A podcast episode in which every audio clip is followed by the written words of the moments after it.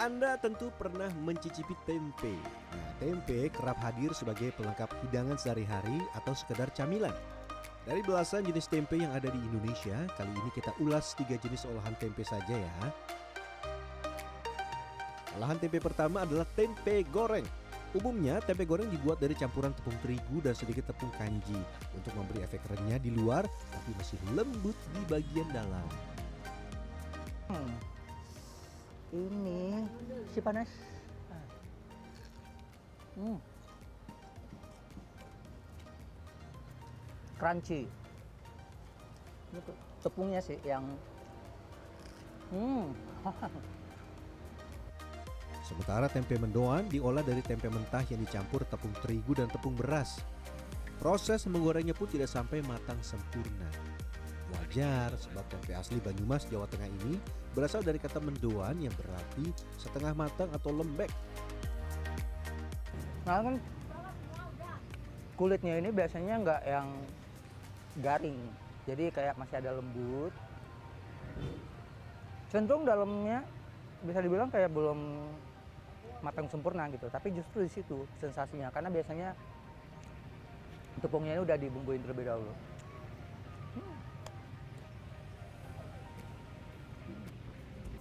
Nah, olahan tempe ketiga mungkin asing bagi sebagian orang. Sebelum kita ulas, kita cek dulu ya. Nah, ada yang tahu nggak? Ibu coba tebak tempe ini apa? Tempe Makan dulu. Oh, dia mau cobain dulu ya. Bismillahirrahmanirrahim. Masih hangat nih. Iya dong.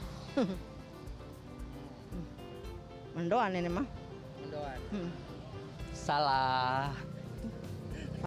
Apa namanya? Mendoan. Salah lagi. ini tempe gembus. Pernah dengar?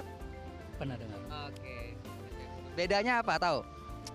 Eh, gembus mungkin lebih empuk ya. Kalau dibilang tempe mendoan tapi tempe mendoan bukan sih? Ada tahu jenis tempe selain mendoan apa?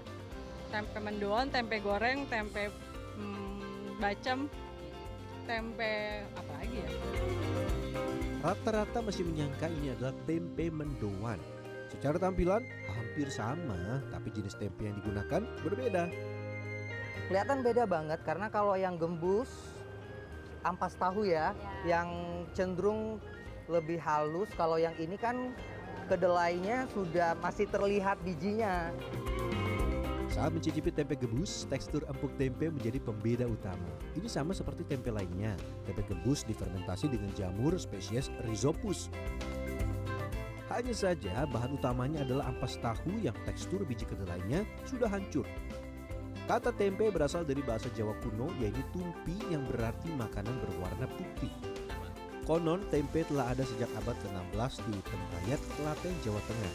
Dan ini tercatat dalam serat centini yang ditulis pada abad ke-19.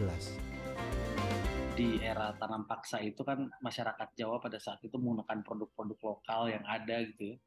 Eh, singkong yang tadinya hanya ditanam sebagai pagar eh, pagar rumah gitu kemudian ubi jalar dan antara lain juga kedelai gitu dan eh, masyarakat ini kemudian mengolah berbagai makanan in- baha- eh, berbagai bahan makanan yang ada ini menjadi eh, olahan gitu. Salah satunya adalah menjadi tempe. Bagi saya yang terbilang baru mencoba tempe gembus, sensasi rasanya ini cukup berbeda. Nah, kalau Anda lebih suka yang mana? Roni Satria, Septiadi Pradana, Jakarta.